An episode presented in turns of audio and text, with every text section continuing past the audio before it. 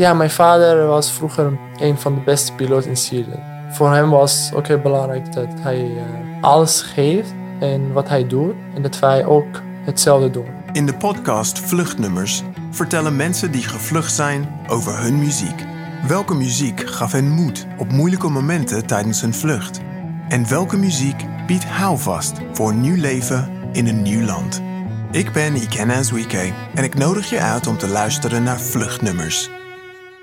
Aram groeit op in Damascus in een sportief gezin. Samen met zijn oudere zus Sana groeit hij uit tot de beste badmintonspeler van Syrië, met een vader als coach. Arams vader geeft hen een belangrijke les mee. Je dromen kunnen alleen uitkomen als je alles geeft. Een thema dat ook terugkomt in een liedje uit Arams kindertijd.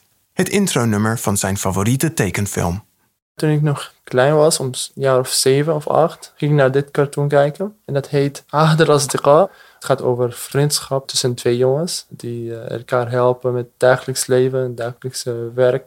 En de werk was niet heel leuk om te doen, maar samen, omdat zij gewoon een, een droom hebben en heel hard gingen werken, kunnen ze uiteindelijk hun leven beter maken en uh, hun doelen bereiken.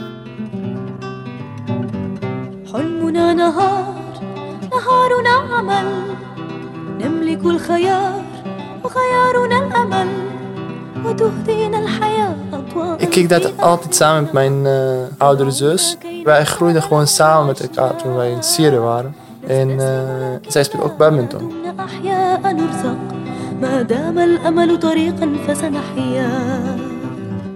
Later, toen ik naar dat lied ging luisteren, dacht ik, oh, we hebben eigenlijk gewoon hetzelfde ideeën over ons leven. Dat als wij nog blijven werken en nog blijven trainen, gaan we uiteindelijk wel onze dromen halen.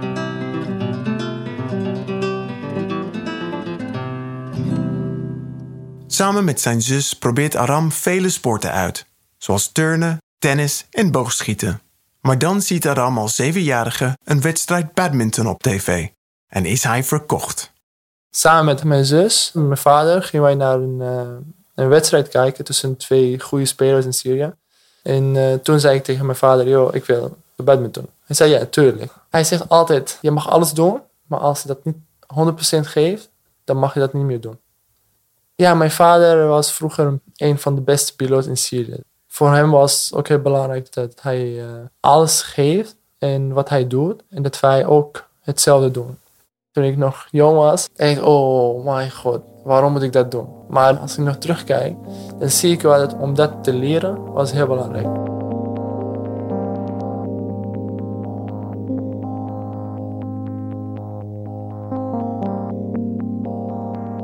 Ik was elf jaar toen ik uh, naar een Spelen ging kijken met mijn vader. Mijn droom was om naar de Olympische Spelen te gaan. Het was een wedstrijd uh, tussen Lindan en Li Shongwei, waren de toppers in, in de wereld. Bij ons was het eigenlijk meer analyse dan, dan genieten van de wedstrijd met mijn vader. Want bij hem was, oké, ja, zie je hoe hij doet? Maar ik zei toen tegen hem, ja, ik wil gewoon één keer meedoen aan de spelen. Hij zei, ja, maar dat is niet voor iedereen. Dat is niet voor slappere mensen daar. Dus als je nog zo blijft, dan ga je nooit halen. Ja, voor hem was, oké, wil je dat doen, dan ga je gewoon hard werken.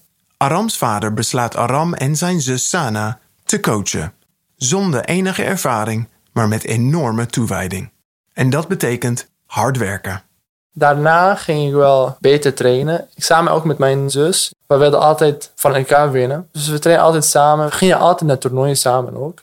Het blijkt dat zij heel goed kunnen badmintonnen. Het is heel lieve meid. Maar als zij naar de bank komt, dan is zij een andere persoon. Zij heeft echt helemaal geen mercy. Dus eh, als zij tegen mij speelt en van mij 21-0 kan winnen, dan doet zij wel.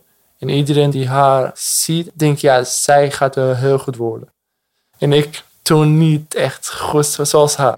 Die uitdaging met elkaar, dat mis ik heel erg. Dat ik nu hier alleen ben. Hun harde werker betaalt zich uit. In 2013 zijn de 15-jarige Aram en 17-jarige Sana allebei kampioen badminton van Syrië geworden. De hele familie is trots. Maar dan komt de burgeroorlog steeds dichterbij. Ik was 15 toen ik de beste in Syrië was, uh, samen met mijn zus. Uh, maar tegelijkertijd was een oorlog in Syrië. was toen heel lastig om daar te, wonen. Die risico die wij gingen nemen, ook als wij naar training gingen, was ook heel groot. Een keertje was ik aan het trainen in de hal waar wij eh, altijd trainen. En opeens hoorden wij een eh, explosie. De hal die wij in waren, was helemaal kapot. Toen moesten wij gewoon uh, wegrennen. En daarna konden wij niet meer naar de hal komen. We durfden ook niet meer naar de hal te komen. Want mentaal was het echt heel zwaar voor ons. Want we weten wel, oh ja, ik heb een droom. Maar als het, als het zo blijft, ga ik mijn droom nooit halen.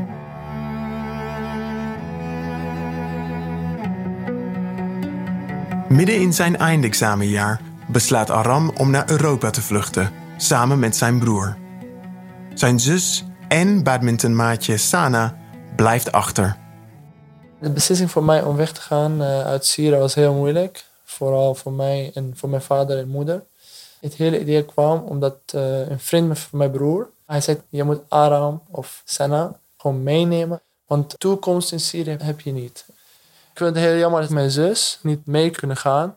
Want uh, zij heeft echt puur talent en uh, zij werkt ook echt hard.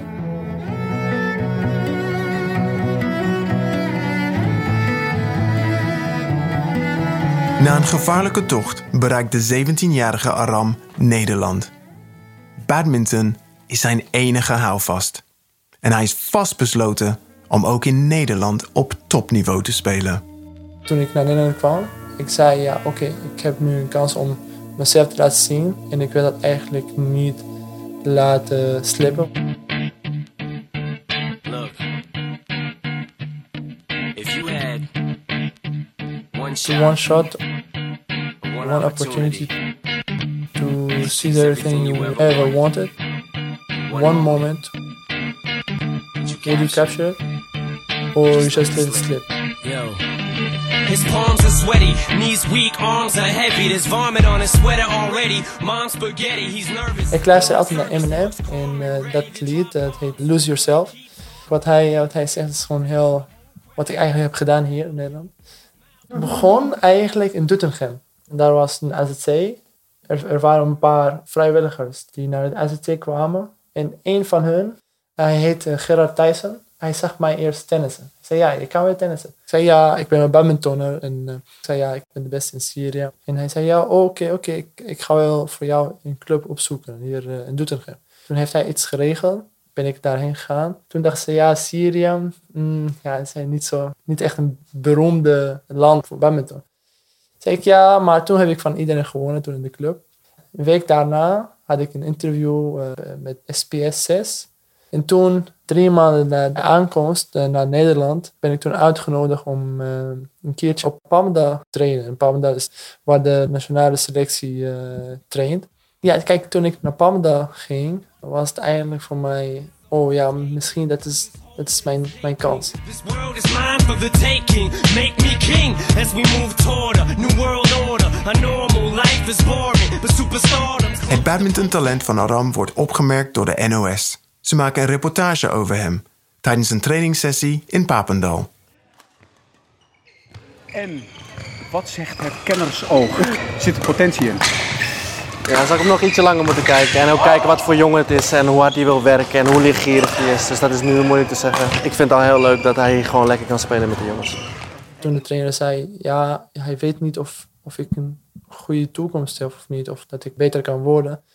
Dacht ik, als hij dat zegt, en hij is de bondcoach van Nederland, dan wordt het heel lastig.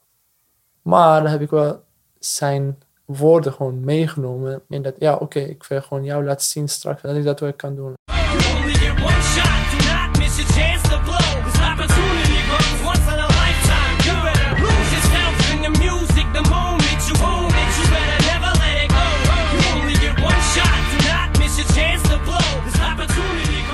Aram traint keihard en stijgt van de 900ste naar de 180ste plaats op de wereldranglijst.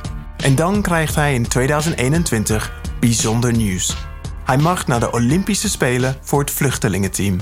Toen ik een telefoontje kreeg van de mensen van de Olympic Committee, was echt een van de beste momenten, misschien de beste moment in mijn leven. Toen ze zeiden dat, dat ik geselecteerd was, uh, zeiden ze tegen mij dat ik aan niemand moest vertellen. Maar ja, ik was met mijn vader aan, aan het bellen en hij vroeg, heb jij iets gehoord? Ik zei, ja, ik heb iets gehoord, maar ik mocht niet zeggen. Maar voor jou ga ik wel vertellen. Hij was heel blij toen ik dat aan hem vertel. Hij zegt, ja, al die harde werk die jij hebt gedaan, eh, het was gewoon waard. En eh, mijn zus, zij was heel trots ook. Ze zegt, ja, door mij ben je, ben je goed geworden. Het is mijn, mijn eigen werk. Het is gewoon goed gedaan. Zij was heel blij voor mij. Maar aan de andere kant was zij ook een beetje verdrietig dat zij niet mee kunnen gaan. Om te laten zien dat zij ook kunnen badminton. A special touch in the sky. Drones also forming the Tokyo 2020 emblem. Het lied eh, Imagine van John Lennon was de opening ceremony lied van de Olympische Spelen. Toen hoorde ik het eh, voor het eerst eigenlijk. Imagine there's no country. It isn't hard to do. Nothing to kill or die for. Dat lied heeft een beetje een gevoelige betekenis, want dat lied die vertegenwoordigt ons als vluchtelingen.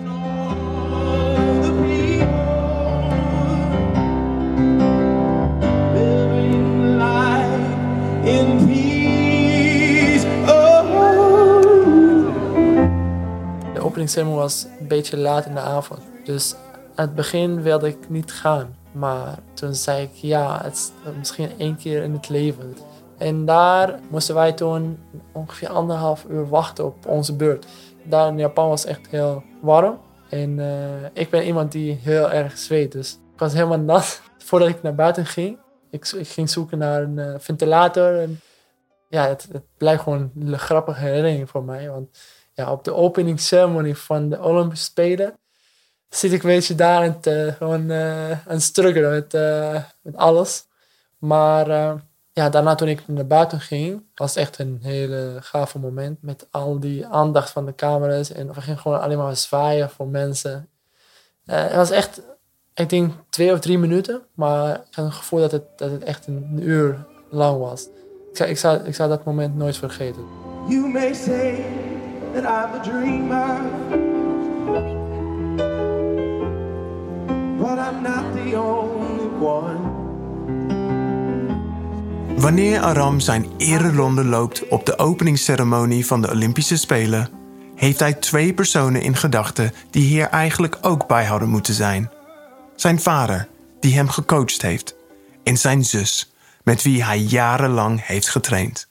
En daar had ik ook het gevoel dat ik niet alleen maar de vluchtelingen vertegenwoordig, maar ook mijn familie, mijn vader, mijn, vooral mijn zus, die helaas niet meeging. Maar mijn gevoel staat zij ook bij mij op de baan toen ik daar was. Oh, and world will live as one. Vluchtnummers is geproduceerd door Jollof Rice Productions in samenwerking met het ministerie van Buitenlandse Zaken, UNHCR, de VN Vluchtelingenorganisatie en Stichting Vluchteling.